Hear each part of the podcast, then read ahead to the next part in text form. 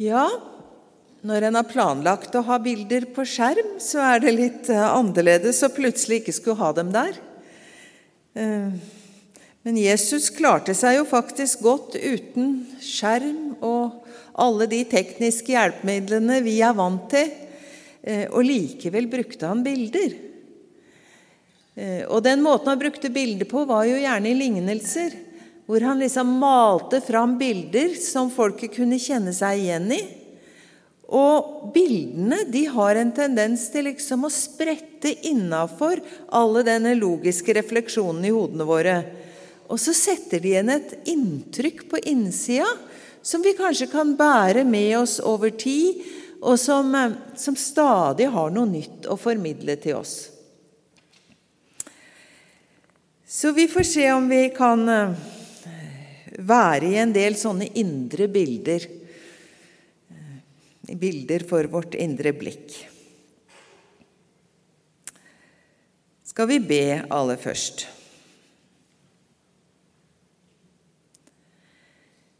Jesus, vi lengter etter at ditt ord kan bli levende, virkelig, åpenbart for oss på en sånn måte at det ompreger våre liv.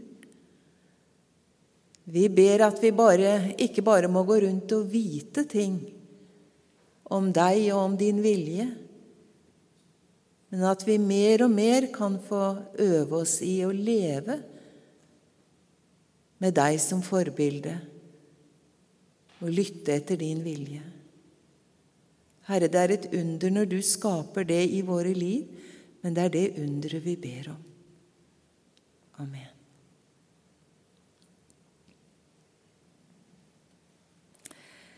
Den lignelsen vi skal lese i dag, den handler om himmelriket eller Guds rike.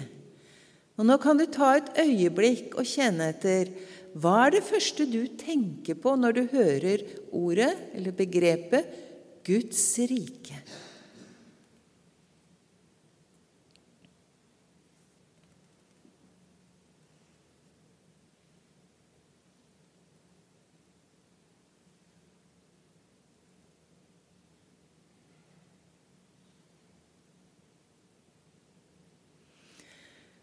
Noen tenker kanskje mest på det som er rundt oss, og, som har med det kristne arbeidet å gjøre. Misjonstjeneste. Og noen tenker kanskje mest på himmelen som Guds rike, eller himmelriket, som han bruker i teksten. Og begge de dimensjonene er alltid til stede når vi leser om Guds rike. Fordi Guds rike, det fullkomne riket, det er jo ikke her blant oss enda. Og som Jesus sjøl sier når han eh, innstifter nattverden første gangen Aldri mer skal jeg drikke av vintreets frukt før den dagen jeg drikker den ny i Guds rike. Og da er det det fullkomne Guds rike han tenker på, det som er målet for våre liv, der det ikke er noen rester av synd, skrøpelighet, sorg og nød, men hvor alt blomstrer i fullkommenhet. Men så var det jo sånn at da Jesus kom, så kom han jo og tok med seg dette fullkomne Guds rike ned til oss, slik at vi skulle få begynne å smake på Guds rike. At vi skulle få bli kalt inn i et annet rike enn verdens verdensriket hvor veldig mange prinsipper er helt annerledes, og hvor perspektivene for livet og framtida er helt annerledes. Så Guds rike har med seg hele tida eh, perspektivet om det som kommer en gang, og om det vi er en del av nå, og mennesker er innbudt til å være en del av nå. Og Så kommer vi videre i dagens lignelse til vingården. Så når Jesus brukte et bilde av vingården, så brukte han et bilde som folk kjente seg veldig igjen i. Det var helt hverdagslig. Det var noe som var nært for alle. For oss tror jeg Hvis en her i menigheten bestemte seg for å starte en vingård, så tror jeg vi ville rynke litt på nesa. Eh, for det første er det uvanlig å drive med vingård i vår kultur. Og for det andre så har vi jo synet på alkohol, så det er jo litt sånn skepsis kanskje til å drive en vingård i det hele tatt. Men dette var altså helt alminnelig. Akkurat som vi skulle vært på Hedmarken og snakket om en som eide diger eh, gård med potetdyrking. Altså, Det var helt naturlig å høre om denne vingården. Det er det ene perspektivet, men her er det også dobbelt, som vi hørte fra Jesaja når teksten derfra ble lest. Så står det om vingården som Guds kjære eiendom i Det gamle testamentet. Og også i Jesaja 5, 1, så står det:" Jeg vil synge om min kjære venn, en sang om min venn og vingården hans. En vingård hadde min kjære venn med den feteste jord. Og så beskrives det litt videre det som var drømmen for denne vingården, og det som dessverre ble virkeligheten. Men disse versene er bygd opp som en kjærlighetsvise. Og kanskje Gud virkelig ønsker å vise oss at det er i Hans kjærlighet at denne vingården som ligner på Guds rike, eksisterer. Det tredje jeg hadde lyst til å stoppe ved før vi leser, det er et begrep som jeg er sikker på dere kan fylle ut nesten unisont, så nå kan vi prøve. Jeg sier to ord, og så sier dere det som kommer da etterpå. Likhet for loven, ja. Det var ganske unisont. Men så lurer jeg på om vi kan snu på det og la temaet for denne eh, talen være likhet for loven nåden. Og det er noe helt annet. Vi er kanskje raskt, eh, raskt i ferd med å være i det landskapet med likhet for loven og rettferdigheten som Elisabeth snakka om. Men så kan vi kanskje tenke at det er noe som heter likhet for nåden. Til en genuin oppmuntring for en del, og til muligens en smule irritasjon for noen andre. Og da leser vi fra Matteus 20. For himmelriket er likt en jordeier som gikk ut tidlig en morgen for å leie folk til å arbeide i vingården sin. Han ble enig med arbeiderne om én denar for dagen, og det er en god dagslønn. Ved den tredje time gikk han igjen ut, og han fikk se noen andre stå ledige på torget. Han sa til dem, Gå bort til vingården, dere også. Jeg vil gi dere det som er rett. Og de gikk. Ved den sjette time og ved den niende time gikk han ut og gjorde det samme. Da han gikk ut ved den ellevte time, fant han enda noen som sto der, og han spurte dem, 'Hvorfor står dere her hele dagen uten å arbeide?' 'Fordi ingen har leid oss', svarte de. Han sa til dem, 'Gå bort i vingården, dere også.' Da kvelden kom, sa eieren av vingården til forvalteren, 'Rop inn arbeiderne og la dem få lønnen sin.' Begynn med de siste, og gå videre til de første. De som var leid ved den ellevte time, kom da og fikk én denar hver, altså en hel dagslønn. Da de første kom fram, ventet de å få mer. Men de fikk også én denar.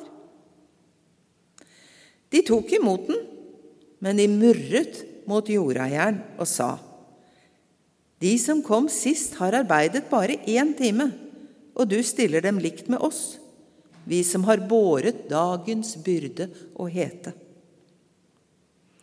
Han vendte seg til en av dem og sa, Venn, jeg gjør deg ikke urett. Ble du ikke enig med meg om en denar? Ta ditt og gå. Men jeg vil gi ham som kom sist, det samme som deg. Har jeg ikke lov til å gjøre som jeg vil med det som er mitt? Eller ser du med onde øyne på at jeg er god? Slik skal de siste bli de første, og de første de siste.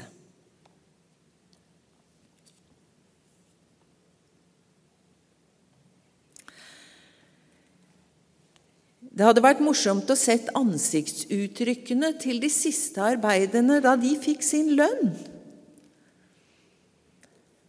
Jeg tror de sto der og tok imot en denar, og øynene ble bare store.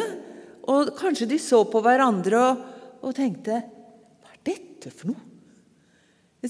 Dette stemmer jo ikke.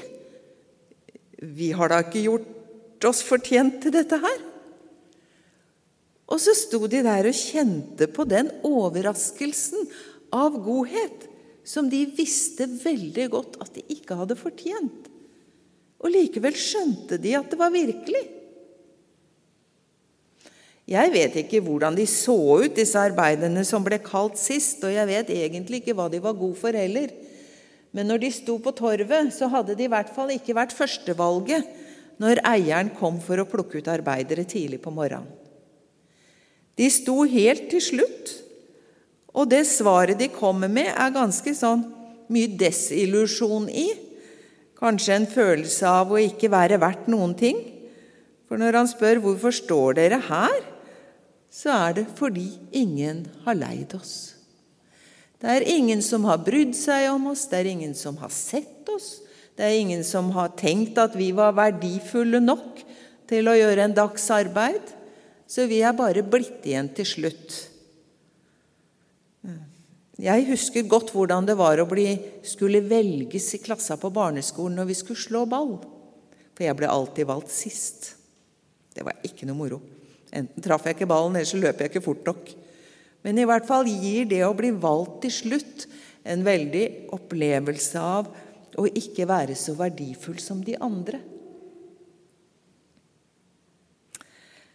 Og han var kanskje litt overraska, vingårdseieren også, fordi at de fortsatt sto igjen der. Men han tenkte kanskje ikke logisk på den måten andre ville gjort, at den ellevte time Ja, det er jo ikke noe vits i å sende dere bort til vingården nå. Men i stedet så sa han, gå bort til vingården dere også. Den vingården han drev som ligner på Guds rike, der er det plass til alle typer, og det er plass til alle tider. Noen har holdt på lenge, og andre kommer inn på tampen. Tenk på røveren på korset, som i siste øyeblikk av sitt liv fikk invitasjonen der på korset.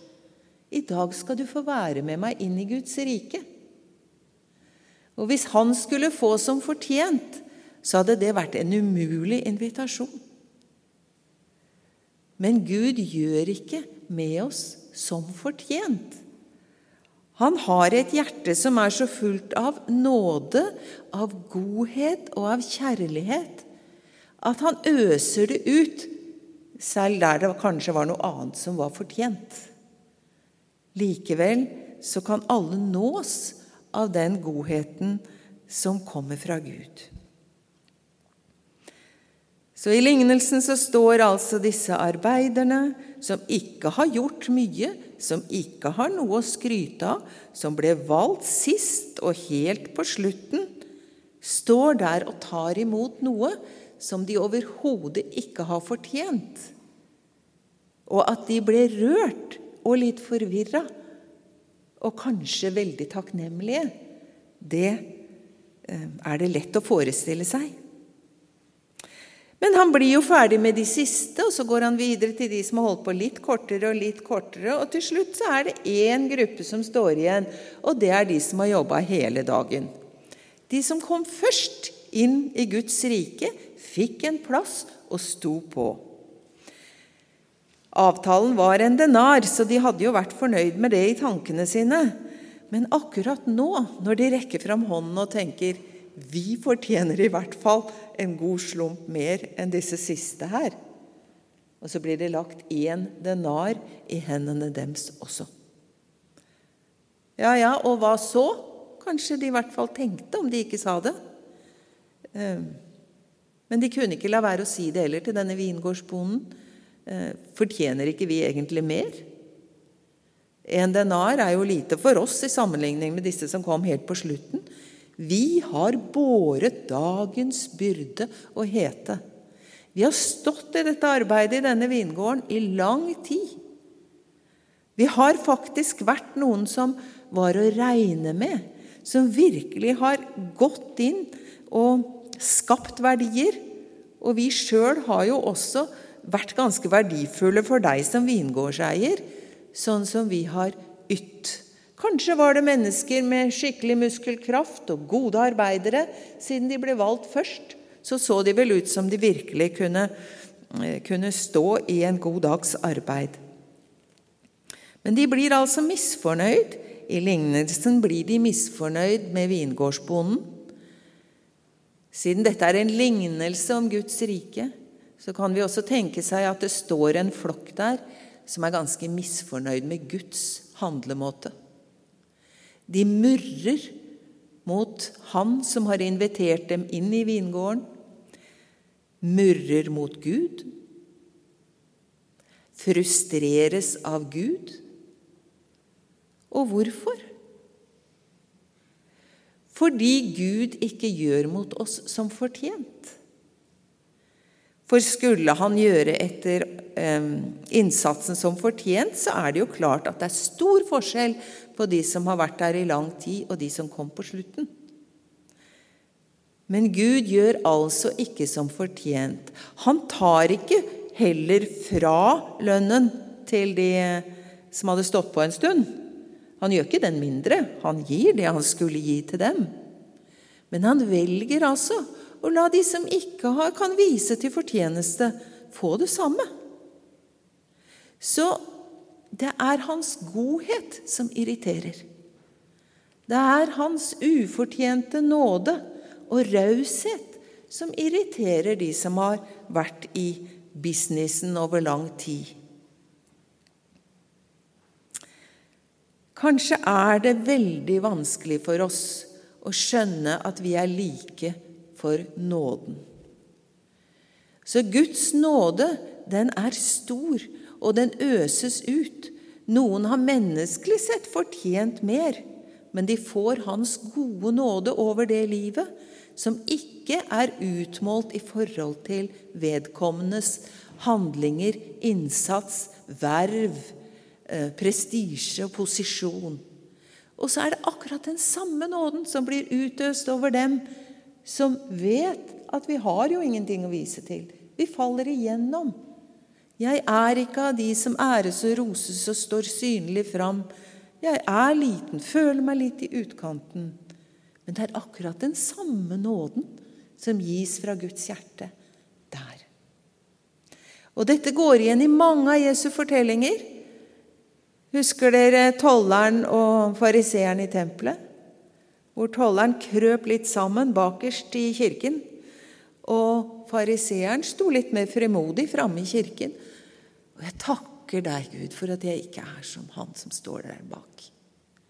Ja. Vi sier jo ikke det. Men jeg lurer på om vi noen gang tenker sånn. At vi faktisk føler oss litt bedre fordi vi kan sammenligne oss med noen som kanskje ikke får det til fullt så godt som meg. Eller ikke gjør en innsats. Han kunne vel ta seg sammen og gjøre litt mer. ikke sant? Så kan vi snu på det, hvis vi går inn til de som da kanskje trekker seg litt unna. Så kan det godt hende at det er en følelse i livet som er tung å bære på, at 'jeg får det aldri til, jeg, sånn som de andre'. Jeg blir aldri bra nok. Jeg er litt flau for å være meg. Jeg har mest lyst til å trekke meg litt unna. Fordi jeg kjenner så veldig på at jeg ikke har krefter nok, har evner nok, er elskverdig nok.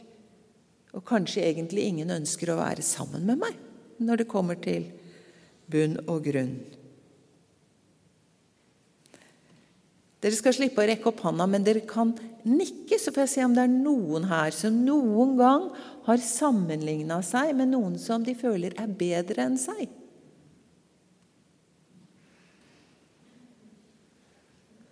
Det kom noen nikk. Men så tar vi en som er verre. Har du noen gang sammenligna deg deg med noen som liksom er litt dårligere enn deg. Det var noen nikk da også. Mm. Så vi er i samme bås.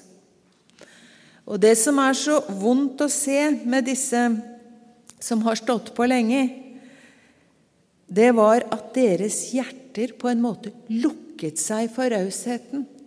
De lukket seg for nåden. Eh, hvis vi tenker litt på lignelsen om den bortkomne sønn som kom hjem, og den hjemmeværende sønnen, så skjedde akkurat det samme.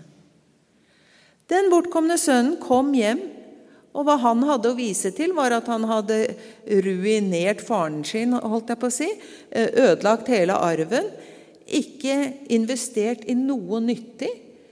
Alt han gjorde, var galt. Og så kommer han rekende hjem som en som er helt fortapt. Og farens hjerte åpner seg med en raushet og kjærlighet som langt overgår hva vi kan forestille oss. Og så var det broren, da. Broren i dette hjemmet. Når han ble kalt inn til en samtale med faren, så er han misfornøyd. Igjen misfornøyd med faren, misfornøyd med Gud. Altså, Hvorfor handler du sånn? Han har ødelagt alt. Og når han kommer hjem, så slakter du gjøkalven. Jeg, jeg, har vært her hele livet. Jeg. jeg har vært trofast mot deg. Jeg har tjent deg. Jeg har ikke krevd noe av deg. Du har ikke engang gitt meg et lam så jeg kunne ha fest med vennene mine. De to opplevelsene. Nåden er det samme i fars hjerte. Han ville favne begge sønnene sine på samme vis. Men for han som hadde vært så aktiv og trofast, så var det noe av dette med forholdet til nåden som ble stengt. Og selv om han, og selv om de i lignelsen, og selv om vi som hører med i Guds rike på jorda, vet at Gud er sånn, og vet at nåde er nåde og ikke fortjeneste, så er jeg redd for at vi også bærer veldig mye av dette med oss. Uten å tenke spesielt på Guds rike, så tenkte jeg vi skulle Jeg må bare Siden jeg ikke har bilder, må jeg prøve å få det her.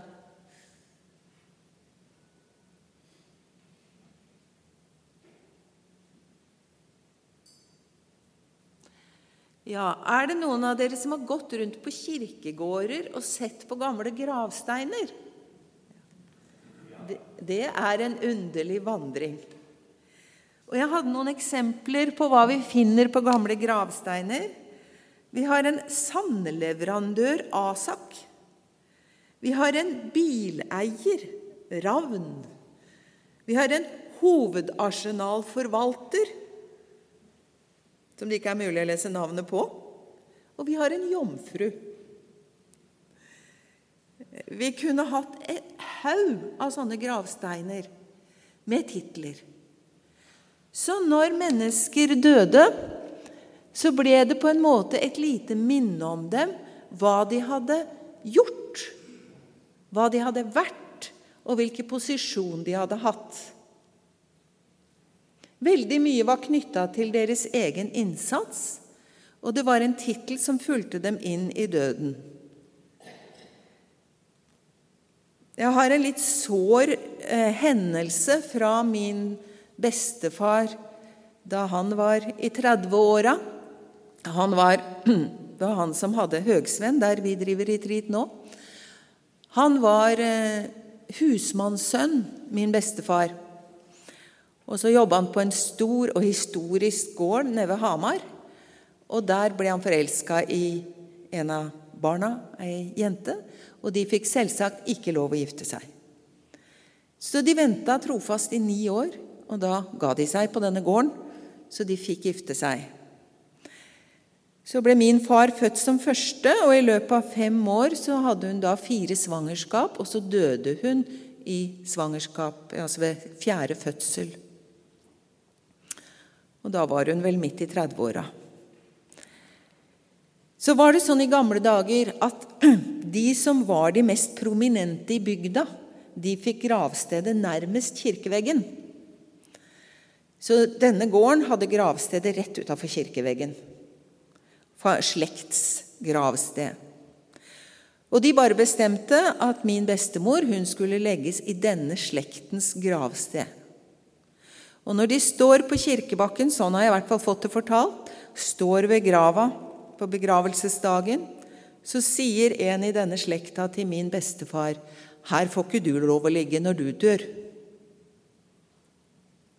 Nå døde han ikke før på 1980, tror jeg, så da var jo ting litt forandra her. Fra 30-tallet til 80. Så han ble lagt i den graven likevel. Men altså, vi har vært så ihuga på posisjoner og rangordninger og bedømt menneskers verdi etter slike ytre ting, også i døden. Men så finnes det en menighet som heter Brødremenigheten, eller Herrenhuterne. De hadde et helt annet syn på det. Og Dere skulle fått sett, men jeg bare får forklare. De har bl.a. i Kristiansfelt, syd i Danmark, så var det en by som de bygde opp. Og De kalte kirkegården sin for Herrens åker, eller Gudsåkeren. Eh, og På porten så står det 'Det sås i forkrenkelighet'. Og når du går på den andre sida og skal ut fra kirkegården, så står det, det i, opps, 'Man oppstår i ukrenkelighet'. Og så er alle gravene helt like. Det er bare plater som ligger på en forhøyning, litt på skrå, vendt mot øst, så de er på en måte klare til å ta imot når Jesus kommer. Og ba, Alle har sånne plater, et lite nummer og så navn og årstall. Så der ligger kanskje et nyfødt barn som er død, ved siden av en disponent osv. bortover. Og det er ingen forskjell.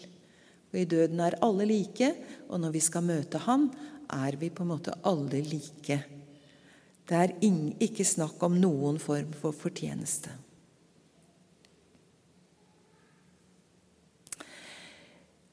Ofte snakkes det om eh, denne lignelsen som Guds rike som et sted hvor vi skal arbeide. Vi skal vie vår tjeneste til å eh, Eller våre krefter til å være med i Guds rike her på jorda, og får forskjellige oppgaver. Og det er én dimensjon. Det ønsker Gud at vi skal. Og da spør han ikke ja, er du flink nok da, og hva er du god nok til, og har du har du datainnsikt nok? Liksom, han spør ikke om de tingene for å ha oss med i sitt rike. Der kan han kanskje heller spørre om du har du lyst til å være med i mitt rike og smile til de du ser på din vei. Altså fra det enkleste av betydning for oss mennesker og til viktige oppgaver. Så her var det noen som tilsynelatende gjorde lite, og noen som gjorde svært mye. Sånn er det også i kirken vår. Jeg så på Når du ser Guds rike foran deg, så mangler det bare en K, og så stokker du litt om, så blir riket til kirke. Så Guds kirke, det er jo Guds rike. Her vi sitter, representerer vi Guds rike i den verden vi lever i. Jeg kunne alltid ønske at enhver menighet som representerte Guds rike, var en varmestue hvor det var nåden som virkelig var det alle ble berørt av. Men noen ganger har vi snakka om litt sånn her og der om menigheten her, og, og sagt at eh, ja, det å skulle si noe er jo veldig vanskelig, for jeg er så redd for hva de andre tenker. Altså, Vi er så redd for hverandre. Når jeg står her, så ser det ut som jeg ikke er så redd, men veldig mange ganger vi er i kirken, så kjenner jeg at jeg er litt sånn usikker på de andre som er her. Egentlig skal det være mine nærmeste, varmeste søsken i troen, i Guds rike, i Guds varmestue. Men det er ikke helt sånn for meg. Og jeg vet ikke om det er det for alle dere andre heller. At her er det bare trygt, for her vet jeg at alle er glad i meg. Og Noen ganger så syns jeg kirkekaffe er litt slitsomt. Jeg vet ikke om jeg er helt alene om det. Men det å komme ut fra den døra der og finne å ja, hvem skal jeg snakke med nå? Ja, her yrer det av folk. Og så skal jeg finne en plass der inne. Og, og hvem skal jeg sette meg med? Og, eh, det er veldig mye sånn, Hvis vi er helt ærlige, så har vi det litt sånn. Kanskje flere. Så var det en dag jeg kom litt tidlig da inn i den kirkekaffen, så jeg satte meg ved et bord hvor ingen satt. Og så kommer det en annen fra menigheten som jeg aldri har hatt noen sånn nær samtale med. Kommer bort med et strålende smil og setter seg ned ved siden av meg. Og jeg får en følelse av at hun har så lyst til å snakke med meg. Og vet du, den, den varmen hun utstrålte den dagen, den satt i meg hele den dagen når jeg kom hjem. Det jeg huska fra kirken da, den dagen, var dette mennesket som jeg fikk følelsen av hadde lyst til å være i nærheten av meg. Og det sitter der enda. Eh, og jeg husker at i eh, ungdomstida eh, på 70-tallet, da Jesusvekkelsen for over land og strand, så var det noe som het Guds fred i Oslo, som jobba veldig på gatemiljø. Og jeg var med der et par år. Det var ikke helt lett å komme fra en sånn prektig bedehusbakgrunn og skulle være i det hippiemiljøet som Guds fred var. Men vi skulle nå lære, da. Og Vi hadde åpent i Nordbygata på Grønland. Da var huset åpent, og så var vi delt i team som da skulle være med på møte på vår kveld. Det var nesten møte hver kveld. Og folk kom jo inn fra gata. Og Jeg husker jeg sitter der sammen med noen jeg kjenner, og så sitter det en gruppe mennesker bak meg som jeg ikke har sett før. Og så kommer en av de lederne bort til meg og så hvisker Du, de som sitter bak deg Å ja, akkurat, ja. Så må jeg bare snu meg og hilse på de som sitter bak meg. Det, det var ikke noe lett. For det er ikke så lett alltid å ta kontakt med andre mennesker. Men det var det vi skulle lære å gjøre. Å hilse på de vi ikke hadde sett før. Og det var en regel at ingen skulle gå ut igjen fra det lokalet uten å være, ha blitt tatt i hånda og hilst på. For alle skulle føle seg sett når de kom dit. Så jeg tror at, at denne rausheten Gud viser i lignelsen, den er noe han kaller oss til å, å bli varmet opp av. Altså, det var ikke så mye raushet hos disse som hadde stått i jobben lenge. Og jeg tenker Kanskje det er en fare for oss som er veldig vant til å være med i Kirkens arbeid og Kirkens fellesskap. Vi kan mye om Kirken, vi kan mye om Guds ord. Vi kan mye om de oppgavene vi får tildelt, og vi står på. Eh, og det er jo veldig bra for at ting skal fungere. Hvis bare ikke det som teller enda mer, rausheten og Guds kjærlighet må lide under vår flinkhet og trofaste arbeidsiver. Eh, Jesus sa jo faktisk det til de skriftlærde fariseerne, at dere er så opptatt av småtingene, dere at alt skal fungere, og det er eh, anis, ja, ti, tiendedel skal betales av det, osv. Men det som veier mer i loven, som er barmhjertighet og nåde, det bryr dere dere ikke om. Så der har vi en kjempestor utfordring, tror jeg, med å virkelig være for Guds ansikt og be om at vi ikke blir blinde for nåden. Blinde for Guds godhet. Fordi vi er så vant til å være i tralten. Men at vi kanskje kan oppleve Guds godhet som de som kom sist inn i Guds rikes fellesskap og Guds rikes vingård. Og Da har jeg lyst til å ta med et sitat fra denne mannen her. Jeg vet ikke om dere vet hvem dette er. Jeg hadde aldri hørt om han før, men dette var en reportasje i et blad som heter Strek. Og han heter Håvard Visdal. Er det noen navn dere har hørt? Nei. Han var rusmisbruker, kriminell, hadde vel sittet nesten 13 år i fengsel. En kveld så satt han på en strandbakke ved en elv oppe i Modum med hettegenseren over huet og sammensunket. Så kommer det en kristen dame. Jeg vet ikke om noen vet hvem eh, Norvald Yri er. Men det var dattera hans, en voksen kristen dame, som kommer en tur på stranda. Og så, og så stopper hun med denne mannen som sitter der. Hun var vant til å jobbe med rusmisbrukere, så hun var vel kanskje ikke redd for å ta kontakt. Men hun hadde i hvert fall bøyd seg fram og spurt 'Hvordan har du det?' Og da hadde han svart helt ærlig at han hadde det forferdelig. Så hadde hun gått inn i en samtale med ham, og så hadde hun sagt 'Jeg tror jeg kjenner en som kan hjelpe deg'. Og så hadde hun snakka litt om Jesus og spurt om hun kunne få be for ham. og spurt hva som var verst for han. Og han sov ikke, så hun hadde bedt om at han måtte få sove til natta. Og, og ellers bedt om Guds godhet for hans smertefulle liv. Og Så hadde hun spurt om han ville ha noe å drikke, for det hadde hun med seg, og hadde skjenka opp en liten kopp, så han fikk vann å drikke. Og han sa at når det vannet gikk gjennom kroppen hans, så var det akkurat som han, ble helt fylt av eh, en varme eller et eller annet han ikke kunne sette ord på som var veldig sterkt for ham. Og Så ringte hun til evangeliesenteret og fikk han inn der dagen etter. Så han ble hanket inn i Guds rike, selv om han ikke hadde noen verdens ting å stille opp med. Dette er for ett år siden. Eh, en liten stund etter så måtte han inn og sone det siste han hadde igjen å sone. Og I fengselet starta han en liten gruppe med noen andre fanger, hvor de leste Bibelen og snakka om Jesus. Og Han har også hatt en opplevelse siden sa han, hvor det var som om Guds kjærlighet la seg rundt ham som et teppe. At han følte seg helt innhylla i en varm kjærlighet og Guds nærvær. Og det han sier, som vi kan ta med oss som en siste hilsen i dag, er Hadde folk visst det jeg nå veit om Guds kjærlighet, da hadde det vært kø foran kirkene sier eks-raneren Håvard Visdal.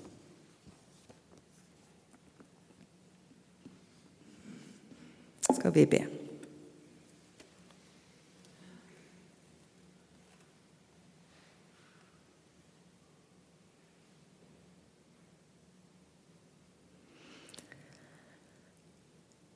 Far, la din nåde få rotfeste i våre hjerter. La din kjærlighet og godhet fylle oss med varme. Tenn våre hjerter så hele vår menighet kan bli fylt av kjærlighet. Og Herre, led mennesker til oss, som vi kan få lov til å rekke ut din kjærlighet til.